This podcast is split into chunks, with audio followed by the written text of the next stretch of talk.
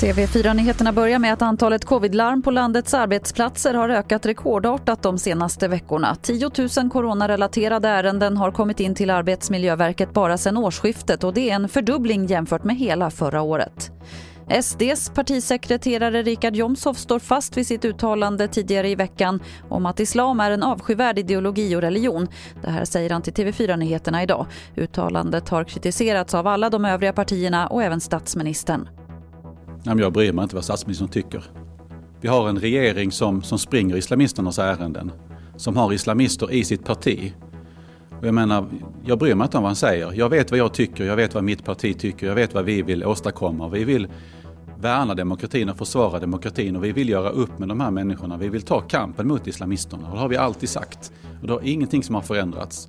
Sverigedemokraternas Richard Jomshof. TV4 Nyheterna har varit i kontakt med Socialdemokraterna nu på morgonen men de avböjer att kommentera uttalandet.